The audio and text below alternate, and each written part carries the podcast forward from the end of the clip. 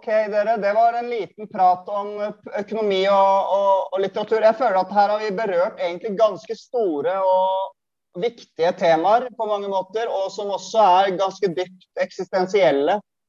Uh, vi har egentlig bare touchet innom det, men uh, ja, takk skal dere ha. Vær så god.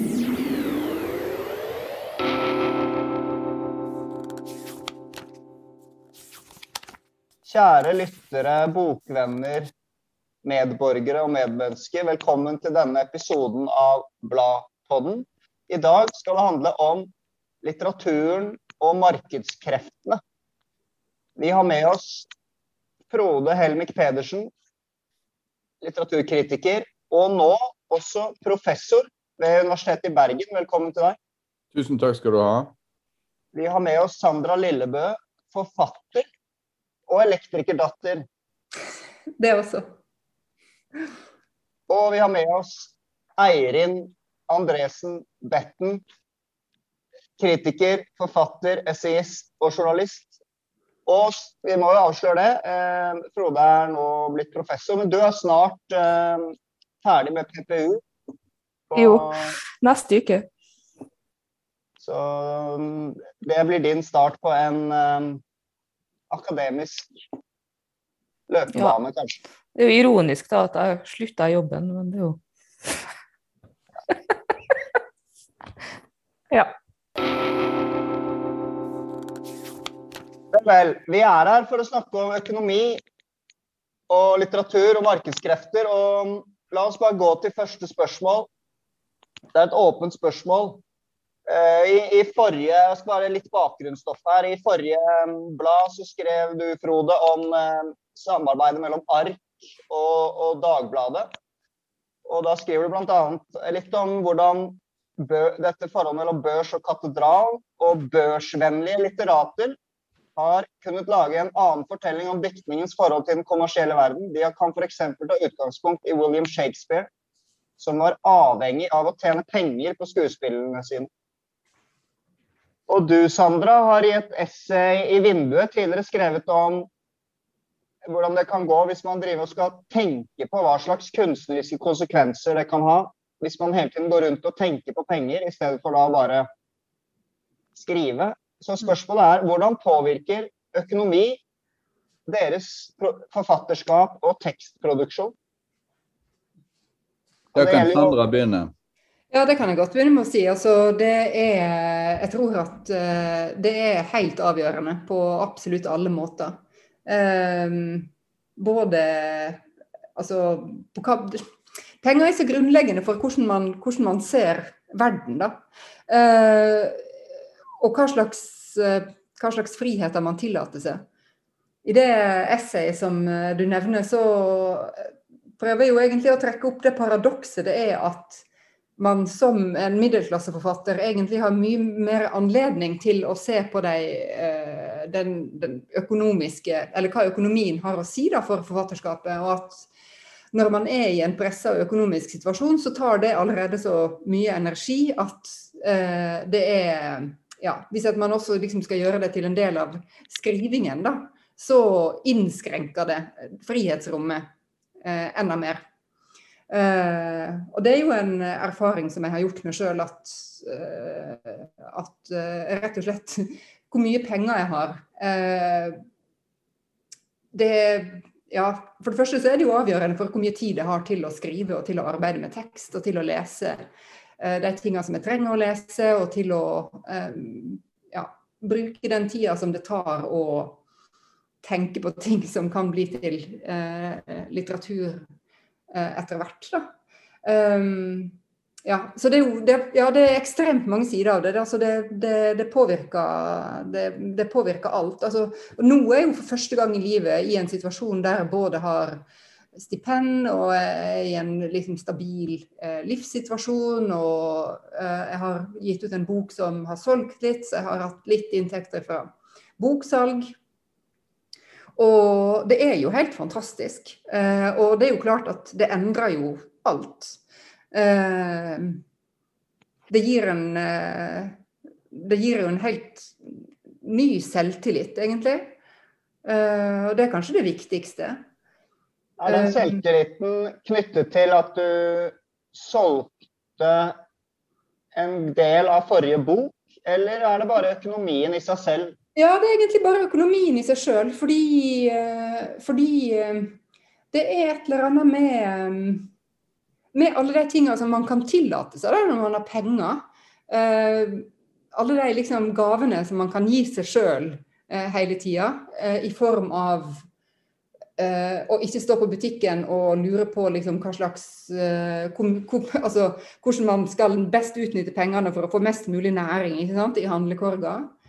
Um, og ja, um, ja Nå mister jeg litt tråden, men um, ja. Men du, du ga ut først eh, to Var det to diktsamlinger? Mm. Jeg ga ut en diktsamling, jeg debuterte i 2011, og så ga jeg ut en diktsamling til i 2016. Um, og ja, i hvert fall sånn for den, den første boka, så da den, Hva skal jeg si, I forkant av den så hadde jeg jo egentlig ikke hatt noe sånn veldig mye tid til å, til å tenke på litteratur. Jeg var alenemor, jeg jobba fulltid. Um, jeg hadde veldig lite tid for meg sjøl. Så ja, eh, det jeg brukte Jeg hadde liksom altså Til og med liksom fritida var liksom sånn veldig nøye oppmålt. Da, ikke sant? Hva kan man bruke den til? Ikke sant? Når man har kanskje noen timer fri en helg eh, annenhver måned, liksom, så må man på en måte planlegge den veldig godt.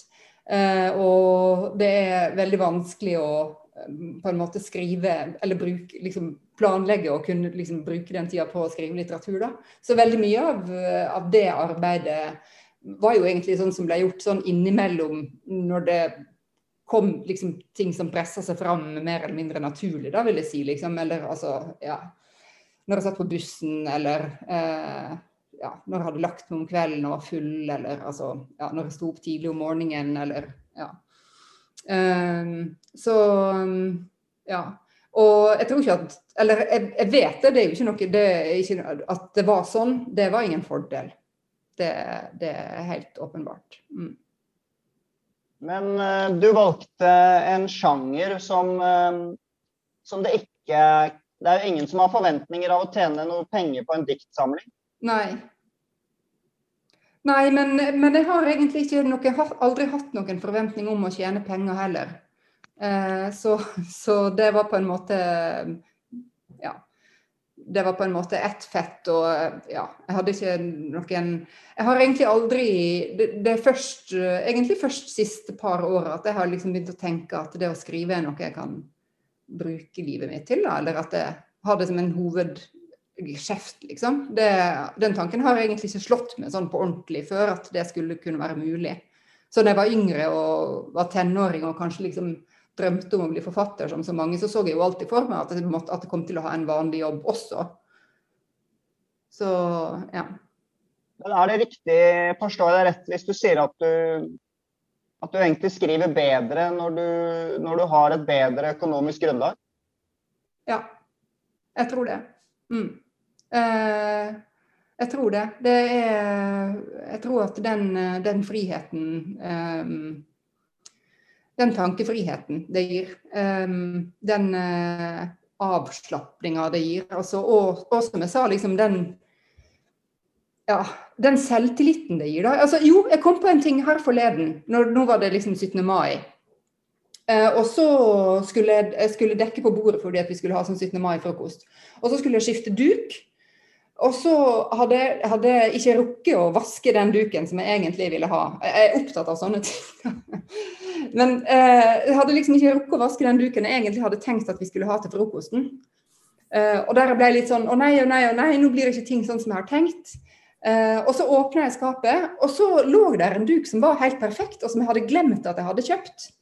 Og det er liksom sånn type lykkelige tilfeldigheter som jo bare, bare er her fordi at jeg har så mye penger at jeg tilfeldigvis nettopp har kjøpt en duk som jeg har i skapet som jeg eh, har glemt. ikke sant? Eh, det ville aldri ha skjedd for ti år siden.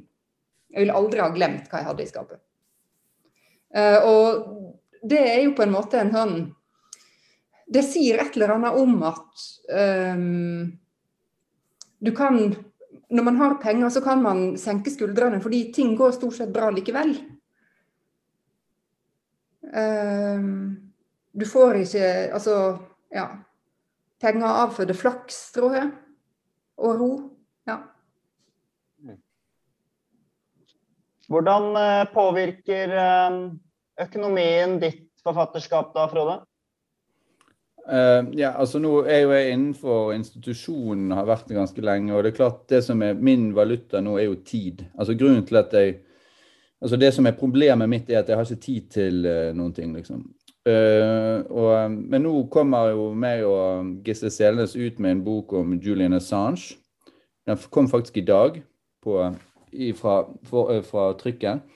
Og det er klart en sånn ting gjør jeg jo Kan jeg jo faktisk gjøre selv om det ikke har egentlig noe med min akademiske karriere uh, å gjøre. Altså det, Jeg har en viss frihet uh, i den posisjonen som jeg har. Men det er klart det krever at jeg planlegger tiden min veldig godt, og at jeg ja, konsentrerer meg. Men det har ingenting med økonomi å gjøre, om jeg har liksom råd til pølser eller uh, sånn. eller gåselever. Ikke spise gåselever. Um, men tidligere, altså før jeg ble stipendiat, det var vel i 2004, så drev jeg og skrev litt sånn spalte i Bergen Byavis som jeg fikk 400 kroner for, og jobbet nattevakt. og Det har jo vært igjennom det, da, og, jeg er jo helt enig med Sandra at det er jo ikke noen eh, god situasjon for eh, produktivitet for de, det du egentlig vil skrive. Altså da, da tar du da går du litt sånn haster liksom fra det ene til det andre. bare og, og og, og, fokuset er egentlig på å få nok penger til å liksom la ting ja, For å drive det rundt. da. Ja. Så, men um, um, Ja, jeg tror jeg har svart, jeg, egentlig. Ja. Det er noe med noen trygge rammer i institusjonen, i hvert fall. Og så er det tid som er det mest dyrebare. Ja, og det jo, har jo med å være småbarnsforeldre og sånn å gjøre. Sant? Uh, I tillegg til å ha veldig mange studenter. Det ligner mer og mer på hverandre, syns jeg. Men Eirin, du skal slutte i jobben nå? Ja, um, det er mange årsaker til da. Um, men um, altså, nå har jeg hatt 100% jobb da, i ganske mange år. så jeg har nok ikke sånn i det store og det hele, i hvert fall de siste fire årene, ikke tenkt sånn veldig veldig masse på, på, det med penger fordi at det har kommet inn vanlig lønn på konto hver måned. Um, men jeg har jo vært student i hva, ni år til sammen nå. Men, um, og det har jo vært, som Sandra også sier, liksom, at det å, å, å, gå på matbutikken og lure på hvordan du skal altså hvordan du skal greie på en måte få alt å strekke til, og ikke egentlig kjøpe det du har lyst til å kjøpe, men du må på en måte være litt praktisk i, i, i handlinga, uh, er jo ja, altså det setter, litt sånn, det setter seg jo litt i deg, det siger jo inn i alle ting. Det er jo et stress da, å være i sånne situasjoner som faktisk er eh, så håpløst at det går utover veldig mange andre ting. Så, så sosiale situasjoner. Jeg skal ut og spise på en middag på en fredag. Det er ikke bare til å kjøpe alt du vil på matbutikken på en tirsdag. Um, men nå har jeg slått unna den på en stund, da, og det har vært veldig behagelig.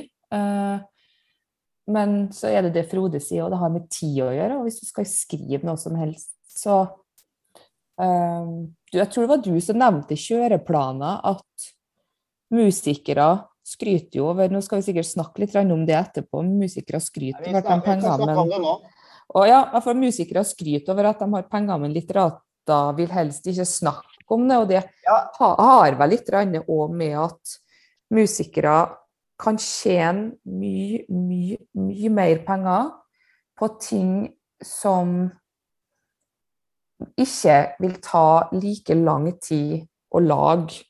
Og nå sier jeg jo ikke det at, at altså, god musikk tar veldig lang tid å lage, det for all del, men det å skrive ei bok er et veldig langsomt arbeid. arbeid og for å bruke, um, for å bruke litt sånn produksjonsbegreper her, da, det å konsumere det verket versus det å høre på en sang, tar òg mer tid. Og folk er jo, vi blir, lever jo på en måte mer og mer inn i en verden hvor vi ønsker at ting skal være litt kjapt og være, ikke ta altfor lang tid. Det er ikke alle som er villige til å bruke tida på å lese et verk på 600, et fransk verk på 600 sider.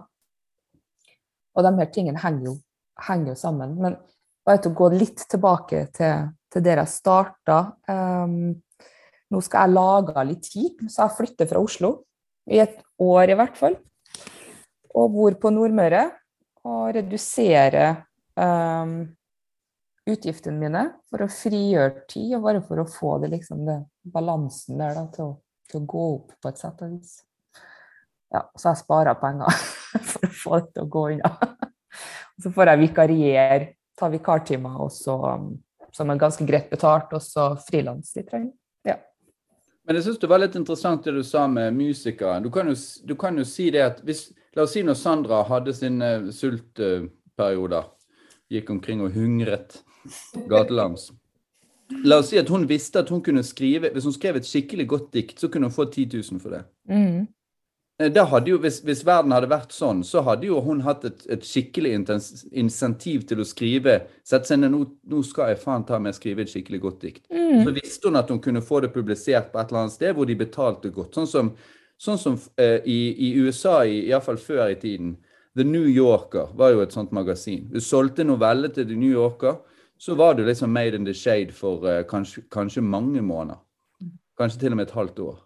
Men sånn var det jo, altså det var kanskje ikke helt på den samme måten, men sånn har det jo vært også i, også i Norge. Det er jo altså Tilbake igjen på 70-tallet, så det man fikk for å skrive en litteraturkritikk f.eks. i Dagbladet, det var jo tilsvarende to ukeslønner.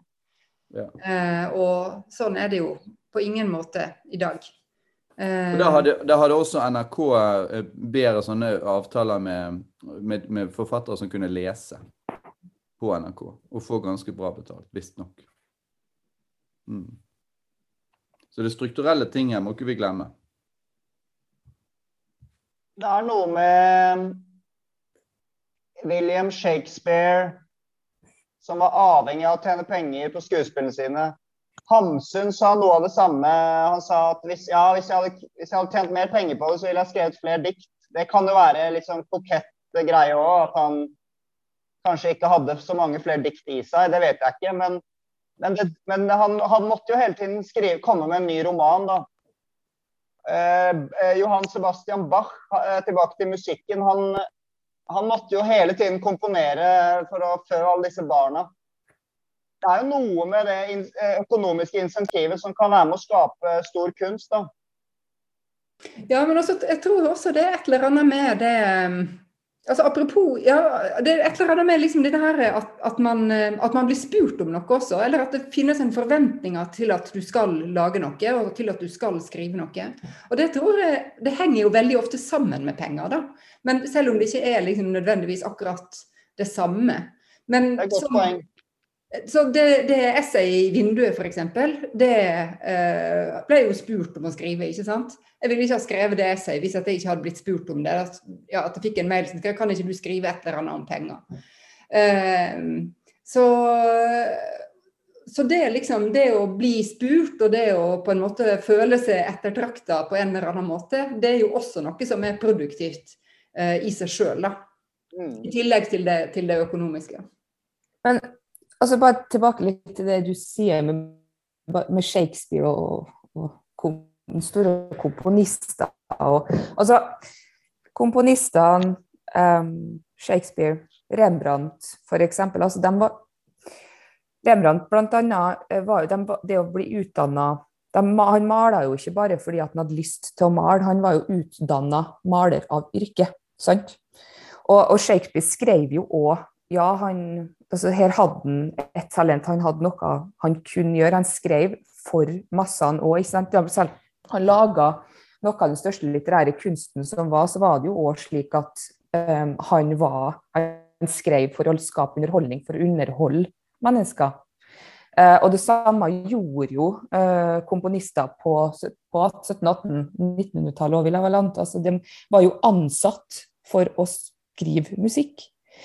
Og det er jo um, sam, altså, det, det, gjorde jo Dickens òg. Han skrev jo, og romanene hans var jo, var, jo, var jo, deler som kom i magasiner, sånn at det var følgetonger. ikke sant? Så han skrev jo for, uh, for underholdning, og nå har jo underholdning endra seg, og det er jo det som ligger litt bak det du sier, og at vi har jo Det er jo manusforfattere i dag som produserer altså produserer på rullebånd for Netflix og strømmetjenester, som kan produsere skrive det vi ikke kan anse som stor kunst på noe sett og vis, men det er de er jobber, altså de arbeidende manusforfattere, ikke fordi at de har lyst til å skrive uh, bare for å altså, sånn som, altså, skrive et manus om verdens verste menneske, da, som bare sånn i motsetning til en, en uh, Netflix-serie på åtte episoder. Sant?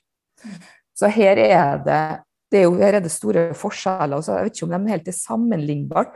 Og motargumentet er jo ofte, i hvert fall hvis vi ser det i dag, er jo ofte at ja, ja, men det er ingen som tvinger deg til å skrive bok. Det er ingen som tvinger deg til å skrive den, den diktsamlinga. Og det er ingen som tvinger deg til å lage den musikken. Du kan bare gå og gjøre noe annet. Men jeg syns alltid at det argumentet er veldig håpløst, fordi at eh, vi trenger fortsatt litteratur, og vi trenger fortsatt teaterkunst, vi trenger musikk, vi trenger kultur. Kultur er helt avgjørende for alle sammen. Og derfor er det òg veldig håpløst um, at forfattere um, får betalt såpass lite som de gjør, men det er slik situasjonen er nå, så er det en del av, av altså det økonomiske, kulturelle økosystemet, da, hvor uh, du trenger å bli Jo Nesbø eller Sally Rooney for å kunne ikke bare tjene nok, men til å virkelig, virkelig frigjøre deg fra alt annet. Um, og, og dette er jo uh, noe som egentlig trengs å bli tatt litt tak i, men også, det er jo som sagt, økosystemet handler jo om at det er ting skal, det skal være balanse i ting. Hvis folk ikke leser, hvis folk leser mindre, så er mindre Men det argumentet som, det argumentet der som du, som du sier at man, man, Og som man jo for hele tida får høre Sånn, mm. Det er ingen som tvinger deg til å holde på med det. Det er jo også noe som eh, andre yrkesgrupper møter, som lærere og sykepleiere. Ja. Mm. ja. Hvis du vil ha mer lønn, hvis du vil tjene bedre, hvorfor kan du ikke bare velge noe annet? Eller ja, hvis du har så mye sant. å gjøre i akademia, kan du ikke bare slutte? Ja. Um, så ja. Men jeg kan jo, jeg kan jo Av og til så tenker man jo jo, men men nå er det noe, tiden er nå liksom sånn, og, og, interessen kanskje litt avdabbende og sånn for litteratur. Men, men, eh, men uh, Gyldal uh, tjente jo da 2,7 milliarder kroner mm. i 2021. Uh, og forfatterne har jo ikke, sånn som jeg kan se det, vært veldig sterke når det gjelder å presse forlagene til å ha bedre avtaler for forfatterne. For forfattere har tradisjonelt hatt en tendens, det er mitt inntrykk iallfall, du har hatt litt sånt usunt avhengighetsforhold til forlagene og vært fornøyd hvis de bare liksom la kort i baren en gang imellom, og, og, og latt seg egentlig bestikke litt på sånne egentlig ganske dumme ting. Sånn at uh, det der syns Altså, når, når, vi har den bokavtalen som vi har i Norge, sant? hvor vi har uh, sterke støtteordninger for uh, seriøst norsk skjønnlitteratur. Vi har forbedrede støtteordninger for norsk sakprosa, innkjøp osv. De store forlagene kan, kan utgi skjønnlitteratur med veldig lav risiko, økonomisk risiko, eh, osv. Eh, det systemet er nå blitt, i mange år blitt brukt til å tjene eh, eiere av forlag istedenfor å lage litteratur. Eh, og Eh, I, eh, han, han derre Erik Must i, eh, i Jeg prøvde å finne ut hva han har liksom fått i utbytte de siste årene. Det fant jeg ikke ut, men mellom eh, 2010 og 2015 så tok han ut over 70 millioner i utbytte. Det er penger som kommer fra den norske bokordningen. Eh, og, og, og skoleverk og, og sånn. Så, så, sånn at er, Systemet er skakkjørt. og det vi, fått, det vi, har fått, er noen storforlag som skor seg på de avtaler, og så har vi småforlag som tar all risikoen. Det er de som, det er sånn eksistens og Pelikan og Pitch og hva de nå heter. Solum Bokvenn og, og, og, er jo kanskje litt større, da, men, men iallfall som, som, som tør å satse på ting som ikke åpenbart selger. Og det skulle vært stikk motsatt.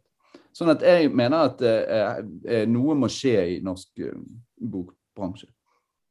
Jeg tror at jeg er veldig enig i veldig mye av det du sier. Men jeg tror at det er liksom en sånn er jo en forskjell også mellom de, si, de større norske forlagene og hvem som på en måte oppfyller sine kulturelle forpliktelser, og hvem som eh, ikke gjør det. Noen er, det, noen er, bedre, og noen er verre enn en andre.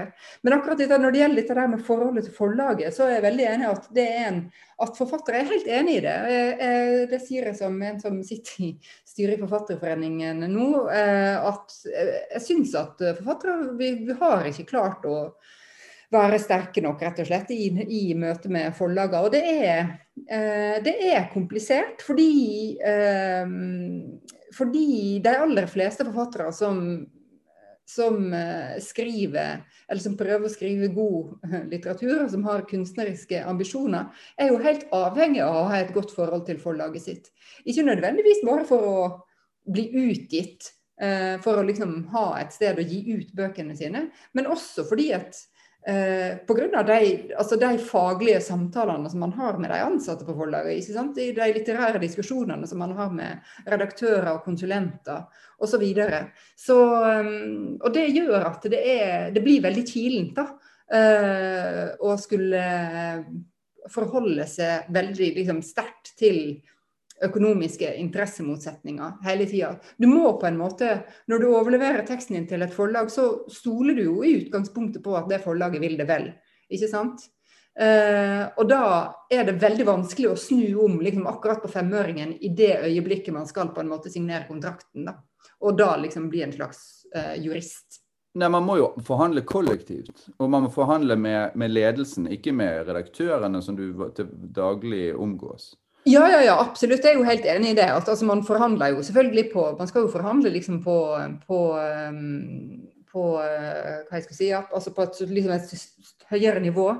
Uh, men det finnes jo liksom også en del Det finnes jo uh, også en del sånne ting i, i avtalene som er åpne for, som er åpne for tolking, da, som jo har vært en av en av sakene innen litteraturverden nå i det siste som har vært dette her med, eh, med royalty og hva slags royalty-sats som skal gjelde til hvilke øyeblikk, og uh, særlig dette her i forbindelse med, med mammutsalg uh, og sånt. Uh, og da er det jo hver enkelt forfatter som har fått på en måte en henvendelse fra sitt forlag om ditt og datt. Um, og da er det hva jeg skal si, Å drive fagforeningsarbeid det fordrer på en måte at folk har den refleksen med å sjekke. da og du har ikke nødvendigvis den refleksen med å sjekke og undersøke om du blir behandla på riktig måte hvis dette eh, Når du i utgangspunktet eh, stoler så blindt på, på forlaget ditt som, som, det du gjør, da, som jeg tror veldig mange gjør. Du beskriver en, eh, nesten en sånn um, Stockholm-syndrom-situasjon. Ja, men Det var jo ikke hovedpoenget i mitt resonnement. Hovedpoenget er at for de store forlagene skor seg på en ordning som ikke er ment, som ikke er laget for at investorer skal, skal ta ut store utbytter. Sånn at det er, det er laget for misbruk, og de har, de har jo eh, kjøpt eh, distribusjonsleddene, sant? og så har de eh, boksentraler, eller hva det heter, og så har de eh, bokhandlerne. Og, og, det er rett og slett blitt et system og hvor veldig mange eh, eh, småforlag opplever at de blir skviset hele tiden. Sant? Fordi at eh, det er de store som, som kjører, kjører, løpet, og det er et beinhardt kommersielt løp.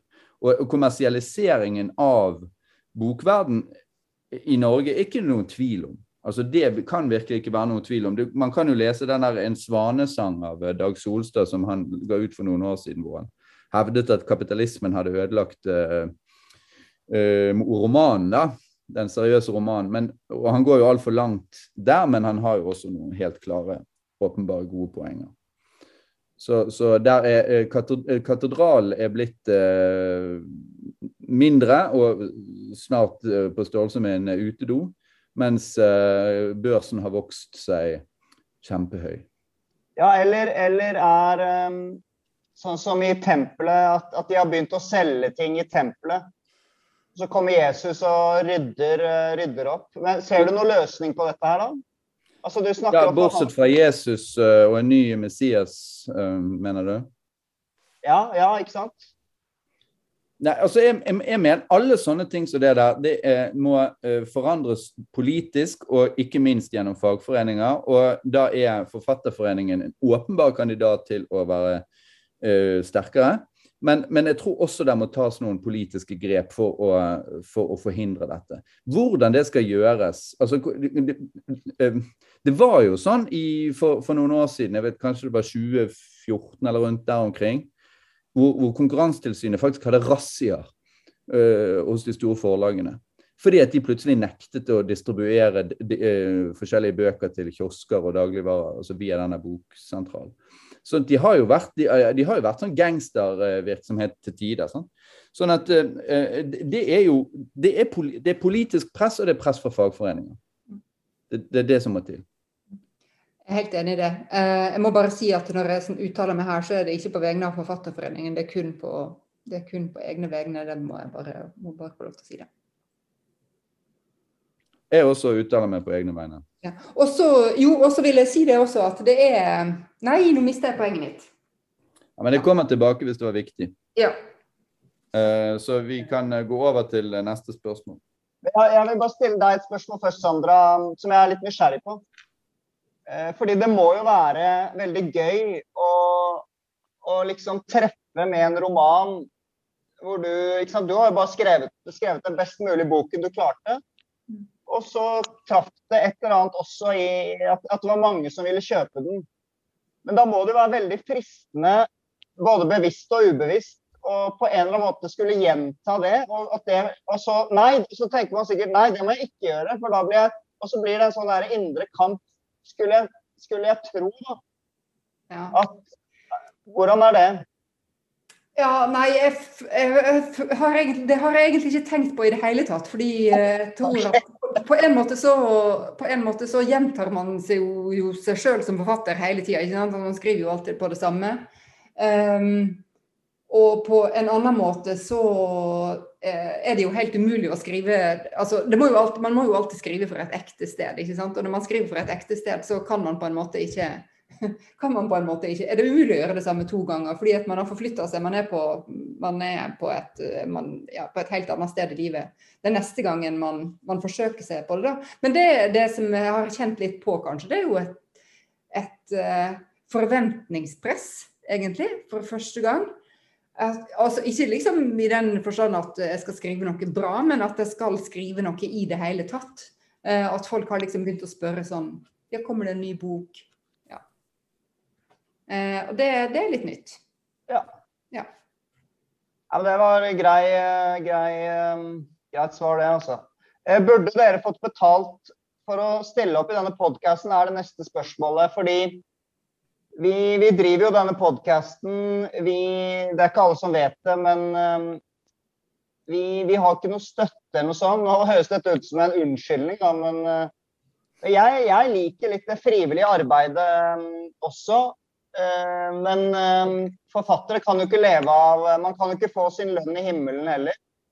Eh, burde dere egentlig fått betalt? Frode, Sandra, har dere kjent på det? Jeg, jeg, kjenner ofte på det når jeg spør folk om å være med. Så har jeg blitt flinkere til å legge til ja, husk, det er dessverre ikke betalt og sånn. Ja, Det var veldig bra at du skrev det i mailen, for ellers så ville jeg gått ut ifra at det var betalt.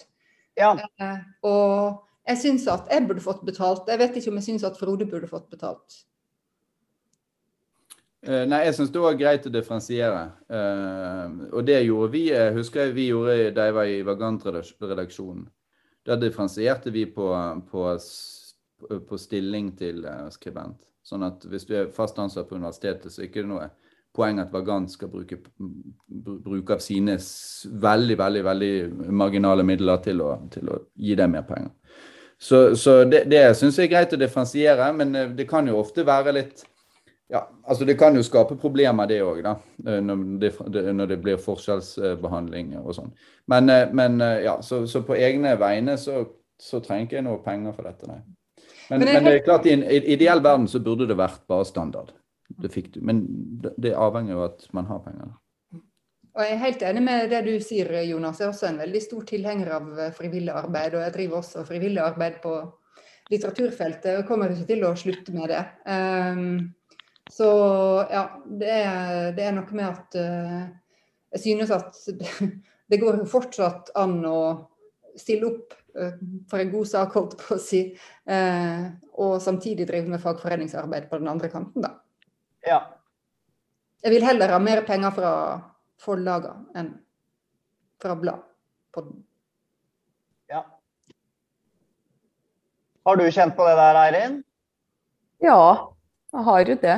Um, jeg tenker jo at det er ikke bare um, betale gjester, men noe at selv om vi altså, et slags, altså Det er jo interesse, det er jo hyggelig, det er fint, men at det har Om du ikke skulle ha betalt for hver episode, at det har vært en form for jeg vet ikke hva jeg skal kalle det for det, anerkjennelse, kompensasjon, et eller annet. Så du, det, er et, altså, det er jo et arbeid som blir lagt ned.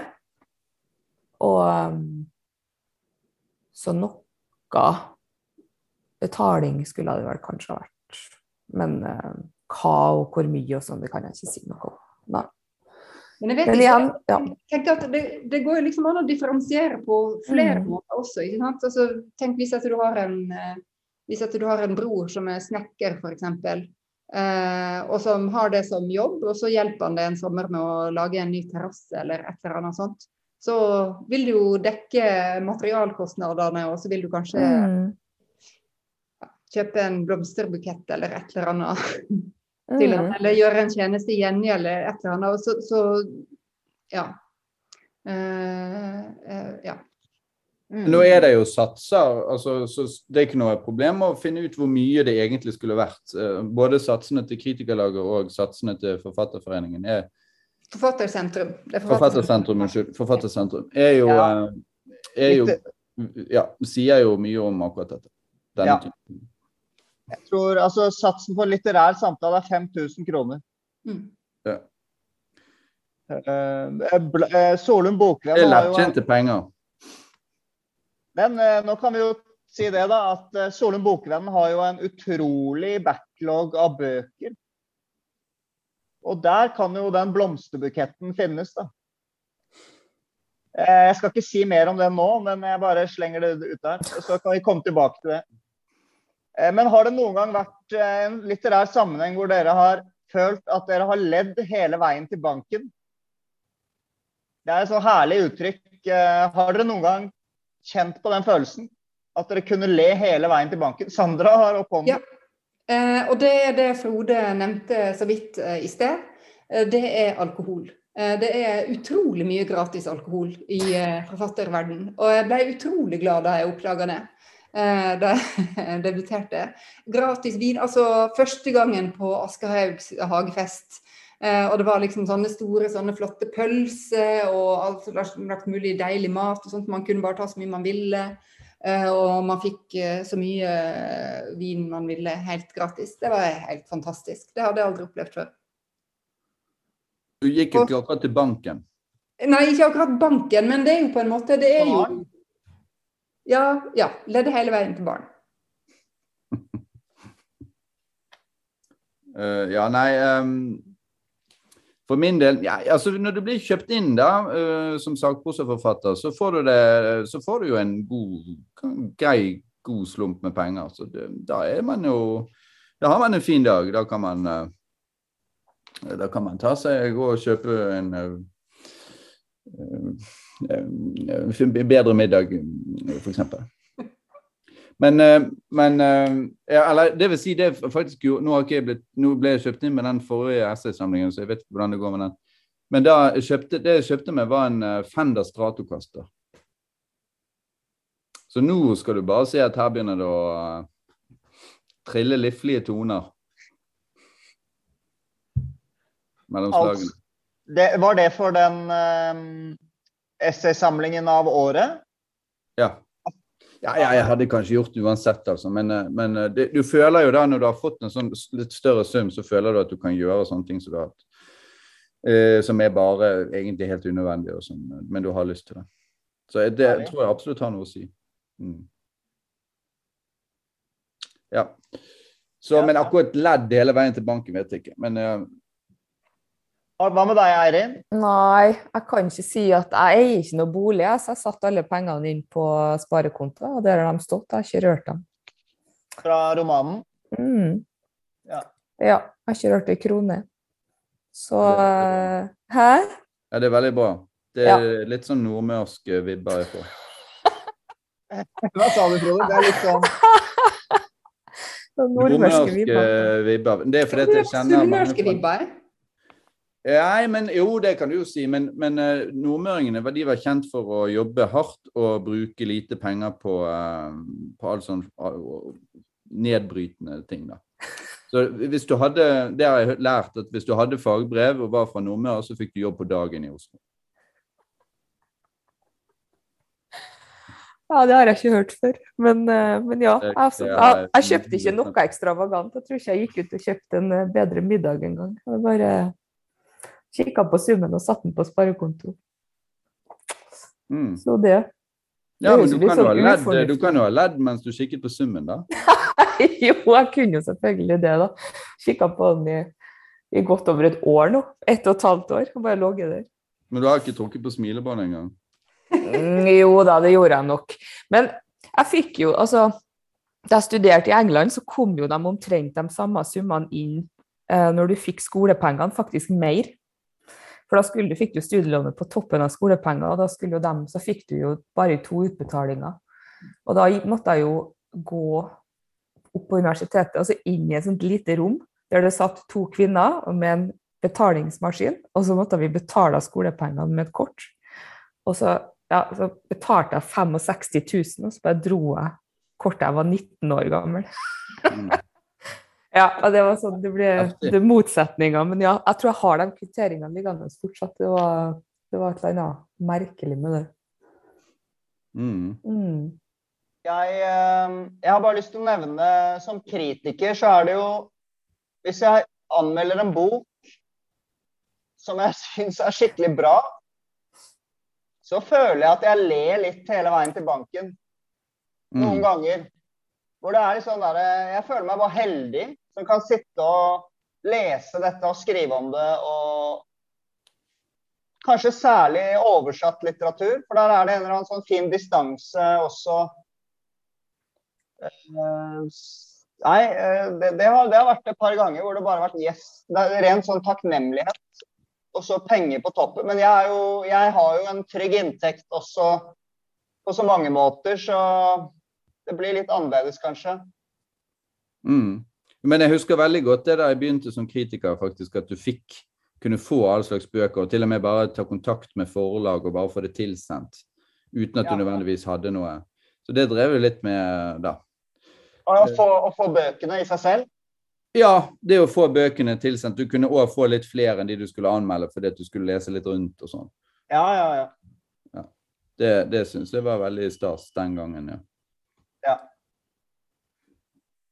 Men det, det å, å, å anmelde en bok som bare er skikkelig bra, Mm. har ikke det vært uh, litt sånn uh, en- lettjente penger? Eller eh, teksten må jo skrives, da. Jo, jo. Men, uh, men hvis, særlig, hvis det er, særlig hvis det er en sånn bok du føler at du eh, egentlig bare har begynt med. Altså du, du kom, kom til den fordi at du hadde oppdrag, og så ser du at dette kan jeg liksom holde på med videre. Dette er liksom en, en byggestein i hele min liksom, litterære tenkning og sånn. Det er jo klart, da. Yes. Ja. Ja. Eh, Jeg ble spent på hva slags bok det var, da. Men um, har du Ja, et altså- eksempel? Nei, altså Ja. øh, Jeg anmeldte jo en del oversatte klassikere, f.eks. Jeg er jo en litt sånn kanonfokusert person. Yes. Så, så når, når, når jeg fikk mulighet til å over, anmelde og oversette klassikere, så var det, føltes det som et stort privilegium. fordi at det var bøker som jeg uansett ville jobbe med. Ja, ja, ja. OK, eh, vi får nærme oss eh, siste, siste punkt. Det er en eh, tekst Skal vi kalle det Det er nesten en sjanger, en tekstform. Sammensatt tekst, nemlig pengesedler. Hva var deres favorittpengeseddel? Av alle pengesedler noen gang? Norsk, utenlandsk, gammel, nåværende. Kan også være fiktiv. Kanskje Hvem vet hva dere har funnet på? Har dere en uh, pengeseddel dere vil trekke fram fra, Fra dypet. fra dypet? Takk. Takk. uh, ja, altså for min del, den som, jeg tror den som jeg har mest personlig forhold til, eller sånn nostalgisk forhold til, det er nok tikronerseddelen med Fridtjof Nansen på. Den, og det var så stas. og det, det, var en eller annen grunn så husker jeg den som utrolig sånn ikke krøllete i det hele tatt. Jeg vet ikke om det kanskje Men iallfall at og du får sånne her tikroninger som barn, da. Du får, får kloen i den. Det var veldig stas. Ellers så, så var det en gang jeg hadde av en eller annen grunn en sånn utbetaling i kontanter. Jeg husker ikke hvorfor, men da hadde jeg plutselig masse tusenlapper. Jeg hadde sånn syv-åtte tusenlapper. Og de la i en skål, en gjennomsiktig skål på bordet, som er en de dekorasjon. Uh, og det føltes utrolig ekstravagant. Og det var de der tusenlappene. Jeg lurer på om det var, kan det ha vært Munch som var, Edvard Munch som var på de? Når du ser, jeg husker ikke engang. Så da, da, da, da går ikke det. Da må det bli Nansen som vinner. Men òg tusenlappen med Ibsen husker jeg godt. Ja. Den var mektig. Her, eh, her ser jeg tusenlappen med Ibsen, ja. 1962 til 1987. Mm. Ha, ha, Sandra, har du noen sånne? Jeg tror det må være Det er jo omtrent fra samme tidsperiode, da. Men hundrelappen med Camilla Collett på. Ja, den òg. Den òg. Det er Den tror jeg er mm, Ja, altså da jeg vokste opp sånn midt på 80-tallet, når man liksom fikk en Jeg var sju år i 1985. Eh, og da liksom få en sånn der eh, med Camilla Collett på, da visste du at du var liksom skikkelig, skikkelig rik. Eh, og det skjedde jo stort sett bare én gang i året, det var om sommeren. At man kanskje fikk liksom en sånn lapp av besteforeldre i feriepenger, da. Eh, men så må jeg si at jeg har, et, jeg har egentlig sånn veldig sånn nostalgisk forhold til hele, hele den her liksom papirpengetida. Altså jeg savner det. Eh, jeg husker som barn at vi, vi kjørte noen ganger på, på, ferie gjennom Europa eh, i en sånn varebil. Og da hadde vi i, inne i hanskerommet så hadde vi liksom masse konvolutter eh, med de ulike valutaene da, som vi hadde, som hadde veksla til før vi, før vi skulle dra. Så vi hadde liksom danske kroner og svenske kroner, og så hadde vi tyske D-mark, og så hadde vi franske frang og italienske lire og uh, alt det der. Og det, med sine særpreg, selvfølgelig. Jeg synes at, uh, Der synes at det er et eller annet som har gått tapt da, i den uh, rikdommen, liksom bokstavelig talt, som Europa jo faktisk er. Altså, ja. Mm. Mm. Ellers er, jo, er det jo et eller annet med dollarsedler. Mm. Den stoffligheten til Ja. dollarsedlene er litt, Ja. litt artig. Ja. De er så Jeg tror nesten ikke på dollarsedler. Jeg syns at uh, de ser liksom fake ut, fordi jeg har sett dem på TV, tror jeg. Ja, de, men de er ikoniske, så, så, så det er et eller annet med å ha de der klassiske dollarsedlene. Mm. Ja. Men jeg, jeg vil trekke fram jeg, altså, generelt til de, de, um, de norske sedlene altså De nye har jo ikke Nå har jo de eh, objekter på seg, så det er jo fisk og hav og sånn, men jeg syns fargen på norske sedler er, er veldig fin. Du finner dem jo ikke. Altså blå og lilla og, og røde og gule og grønne sedler. Det er jo um, Husker du 50-lappen med Vinje? Den var helt sinnssyk farge på. Nei, når gikk den 50-lappen. ja, Når gikk den ut, da? Nei, den, gikk, den var på, på 1990-tallet. Ok, den 50-lappen, den med sånn stort 50-tall, var ikke det? Det var Vinje iallfall. Så var den sånn sjokkgrønn. Ja, vent litt, da. Ja, og den var fin. Nå måtte, måtte jeg hente den fram, men ja. Men den måtte ha gått ut tidlig på 90-tallet, måtte den ikke det? For jeg er vant til den eh, Jeg er jo født på slutten av 80-tallet, så jeg ikke jeg tror jeg er jo vant med den andre, den andre grønne. Hvem var det som var på den? Eh, Det var en Bjørnson, tror jeg. Bjørnson. Mm. Bjørnson, ja. Ja. Nei, men Bjørnson var vel før Vinje på 50-lappen? Ja, jo, men jeg tror du har rett. Jeg tror Bjørnson har vært flere ganger, nemlig. hva heter Peter Hva er det som står? Peter Wessel? Nei. Ja, nei, ikke det. Nå er vi ikke spesielt flinke her. Vent litt, da. Nei, det var, eh, det var Asbjørnsen. Er det det? Peter Christian Asbjørnsen.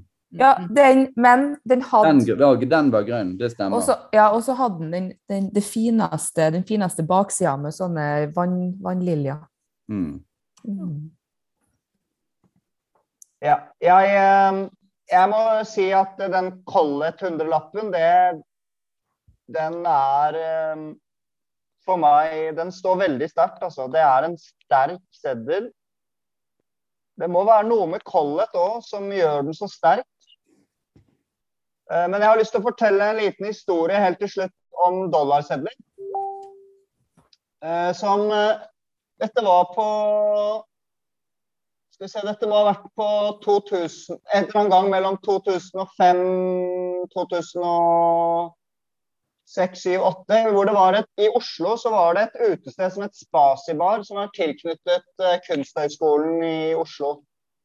Men før Spasibar, som var et sånn ganske legendarisk sted med veldig rar sånn russisk estetikk, så hadde de et illegalt nachspiel-sted som holdt på til sånn Jeg husker det var konsert der eh, klokken fem om morgenen, og du måtte ha et passord for å komme inn og sånn. Dette var virkelig gøy, altså. Og de, de hadde en avslutningsfest hvor de brant masse pengesedler, for det var det mest rebelske du kunne gjøre. Men den ene kvelden da vi kom inn der, så kostet det litt penger å komme inn. Og vi ringte på, vi hadde fått passordet. Men jeg hadde ikke norske sedler. Jeg hadde, jeg hadde dollarsedler med meg. For jeg hadde vært på cruise med min eh, familie, som jo eh, i, i, i, i Karibien. Så jeg hadde da dollarsedler, og, og det tok de imot på, Spasiba, nei, på dette illegale nachspielstedet, som, som senere førte til Spasibar-stedet. Så det, det er noe med penger her i, som jeg prøver å At dollar, det er Dollar. Du kommer inn overalt i verden. Det stemmer. Dollar kan du bruke mange steder.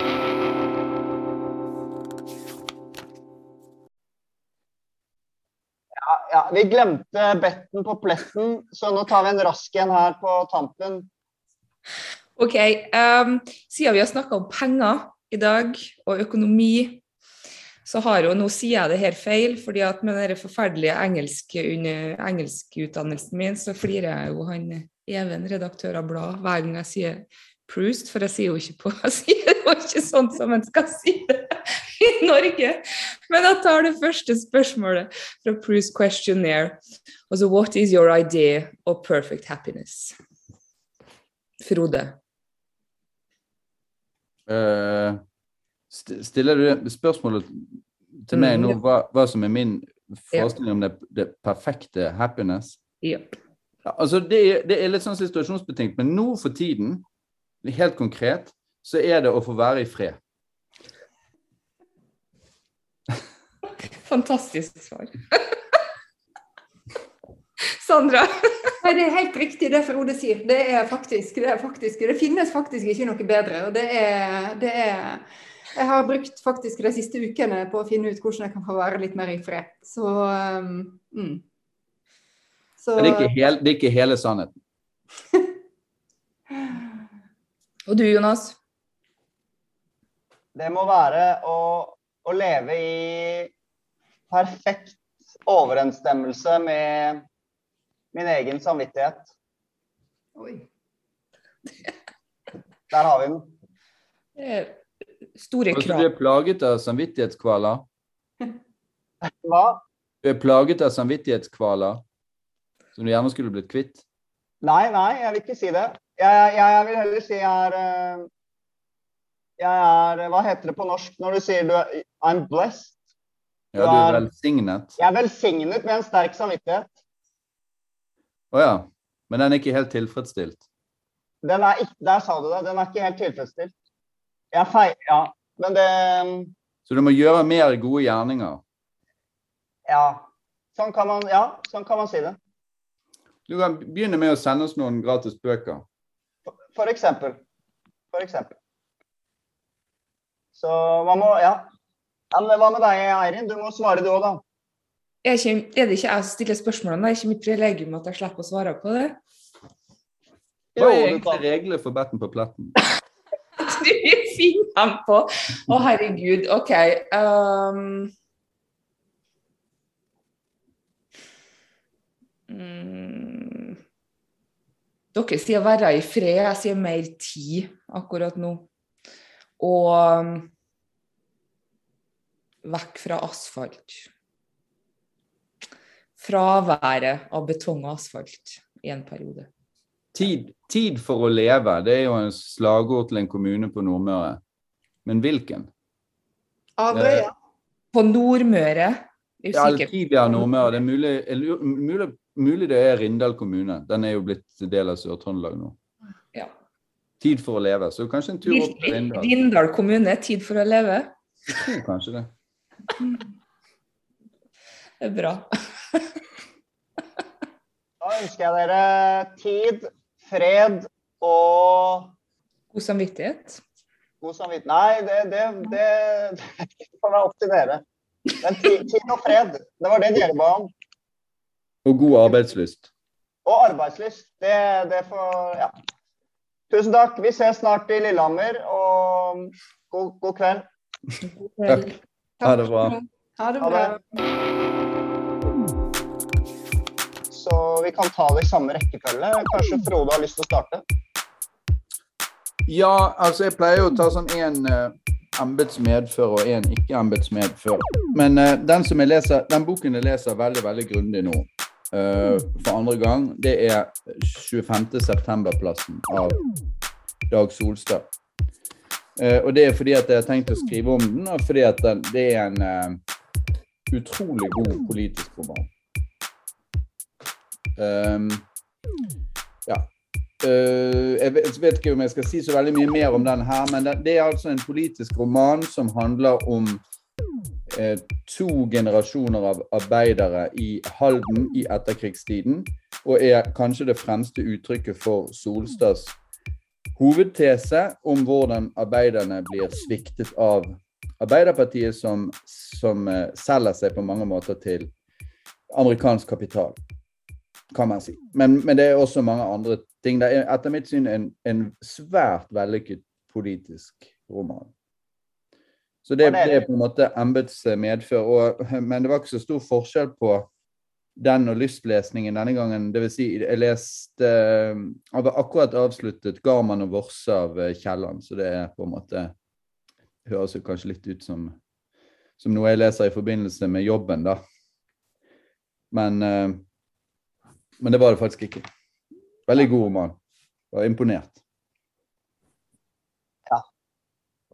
Jeg, jeg har ikke lest den Solstad-romanen du, du snakker om. Eh, De er litt sånn eh, fremmed land for meg, de der, poli, de der eh, krigstrilogien til Solstad. Og... Har dere vært borti de, Eirin og Sandra?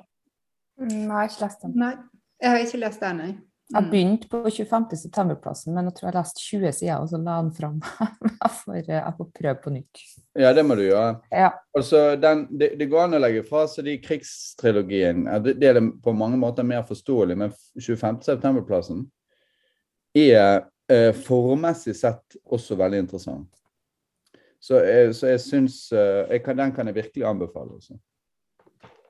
Jeg, trodde faktisk 25. september altså, var en del av krigsteologien. Det skal jeg innrømme her i sted, men uh... Nei, du kan jo lese, du kan lese den i forbindelse med krigsteologien, For det har litt med uh, Det har litt på en måte med samme tesen å gjøre. Altså hvordan arbeiderbevegelsen fra å ligge veldig godt an på 20-tallet blir gradvis desimert politisk. da. Men, uh, men det er en helt annen roman, akkurat det. da. Så, som det kulminerer i EF-kampen, eller EEC-kampen. Hvor dette nei-et blir en seier. Det er derfor boken blir en slags sånn, får nesten en sånn bjørnsonsk svung. Og det på mange måter optimistisk. Det var dette vi fikk til. Mot alle odds. Å si nei til EU. Eller ja, det er det. mm. Ja. Sandra, hva driver du og leser for tiden? Ja, eh, jeg føler at det, høres veldig blærete ut å si liksom at eh, jeg får litt sånn nok av norsk samtidslitteraturdebatt eh, til tider. Det, jeg har liksom perioder der jeg liksom kaster meg over Morgenbladet hver fredag, og jeg kaster meg over Bokmagasinet hver lørdag. Eh, og akkurat nå er en periode der det ikke er sånn i det hele tatt. Så nå det siste halvåret har jeg stort sett bare lest franske bøker. Eh, og akkurat nå holder jeg på å lese en eh, bok som faktisk er ganske beslekta til 25. september-plassen på ett vis, vil jeg tro som er 'Germinal' av Emil Sola, som ble oversatt til norsk under navnet under tittelen 'Den store gruvestreiken'. Eh, så det er jo en sosialt engasjert, eh, realistisk roman. Eh, dels journalistisk, egentlig. Jeg forstår det sånn at Sola har gjort veldig mye research om forholdene som gruvearbeiderne levde under før han skrev den. Eh, så eh, det er jo en Og så er det en, en, fransk klassiker som alle franske ungdommer leser når de går på videregående, og som er et av de mange store hullene i min allmennkunnskap som jeg forsøker å fylle. da. Hvor, så, eh, hvor lang er den? Um, den er veldig lang. Den er på ca. 600 sider. Hvor flytende er du i fransk? Det høres helt flytende ut. Eh, ja, jeg er flytende i fransk. Mm. Men også, det kan jeg jo si at det er jo, et, det er jo del av et større verk, selvfølgelig. ikke sant? Det er jo del av en, en romanserie på 20 romaner. Og dette her er vel eh, bok nummer 13 i den serien. Så ja. 20 romaner, ja. Ja, men den, den jeg syns Chaminal er fantastisk roman. Uh, men det som overrasket meg da jeg leste den for første gang for ja, jeg husker ikke helt, det var jo Når du sier det du sier, sånn, journalistisk, realistisk og sånn, det var jo hvor eh, fantasifull den var. Altså mm. hvor, hvor, symbol, hvor, hvor, sterk den der symbolske kraften i druve, gruven er. Mm. Eh, og på mange måter hvor romantisk den er, på, på, på måten den skriver. altså der er sånn Eh, hvordan disse folkemengdene får en sånn fantasmatisk eh, dimensjon i seg. altså At, at det virker som en slags visjoner ofte. Det mm. glir liksom nesten over i visjonen hele tiden. Mm. Så jeg var, jeg var veldig sånn fjetret av, eh, av den romanen, også som, som på en måte romantiker. Mm. OK, Eirin. hvor skal du ta oss nå? Um, vel, jeg vet ikke. Kanskje dit uh arbeiderbevegelsen eh, går for å dø. Jeg driver og leser 'Mektanaliseringa av verden' av eh, George Ritzer. Uh, en bok fra starten av 90-tallet egentlig som forklarer hvordan arbeidslivet blitt byråkratisert da, gjennom fem ulike dimensjoner. Sånn at hele altså, um, måten vi arbeider på, er, er effektivisert. Da, og det kan den mektanaliseringa, den rullebåndsmåten å arbeide på, um, sig inn i alle andre uh, deler av livet, også, sånn som turisme f.eks. Så jeg leser den for andre gang, og så leser jeg um, Zero K av uh, Don DeLillo. Uh, og Evelyn Waas 'Brideshead Revisited', og så Wittgensteins nevø av Thomas Bernhard. Så litt forskjellig. Ja. Av de du sa, så er den som jeg virkelig har, uh, var imponert over, var jo den der Og jeg har ikke lest alle du nevnte. Det var jo denne 'Brideshead Revisited'. Ja, den er fantastisk. Den kommer med en ny filmatisering òg snart. Ja. Så, mm. ja. En anbefaling der, altså, kjære lytter. ja. Og du, Jonas? Jeg eh, du, Sliter du eh, fortsatt med noen gamle verk? Ja, ja. Men jeg, ikke, jeg trenger ikke å nevne det. Men okay. eh, men ja, jeg sliter med flere ting. Jeg sliter også med å leve meg Jeg sliter med empati med litterære karakterer som ikke finner mening i tilværelsen. Fordi jeg syns livet er så gjennomsyret av mening at jeg klarer ikke lenger å sette meg inn i den situasjonen. Og det er en svakhet jeg har. Eh, men jeg leser en bok eh, som jeg har anmeldt nå. Apropos liksom, politisk roman. Det er en debutroman eh, av en Natasha Brown fra Storbritannia. Å, den er fin. Assembly. Assembly, ja. Å, den er kjempefin. Ja, men den pirrer meg litt. Og så er den, syns jeg egentlig den er forbløffende flat. Når man har lest den ferdig, så er det liksom Det var ikke så mye mer enn en sånn politisk, jeg synes det var ganske fin, da. politisk påstand. Men jeg har en bok som jeg har med for å begeistre, prøve å begeistre deg, Frode. Um, og jeg vet ikke om, om, om, det, om, det, gjør det, men dette er Eller kanskje dere andre òg, men dette er Herman Wildenvei. 1919. Han, han, er jo en forlatt uh, dikter på mange måter. Det er ingen som uh, ser til han lenger. Men uh, 'Hemmeligheter' heter han. Fra 1919. Og det er noen utrolig sjarmerende dikt. blant annet så er det inni her en sånn sonette, en liten sonettekrets som heter 'Vintersonetter', med mye sånn tidskoloritt da, fra 1919, rundt den tiden han skrev boken. Bare hør på siste hva heter slutten av en sonette? Er det triplett? Det kommer an på om det er en uh, hvilken sonettetype det er. Ja. Selv jeg fryder meg Unnskyld, jeg må lese det på moderne Han skriver jo mig. Selv jeg fryder meg når sønnen av kongen skal hoppe stående i Holmenkollen, og folket strides om hvorvidt han datt. Og, og her fikk dere jo ikke med den forrige tripletten, hvor alle rimordene er, da jeg kan ta det nå, at noen elsker denne skisesongen hvor buksedamen spiller hovedrollen. Den smukke tanke har meg titt betatt.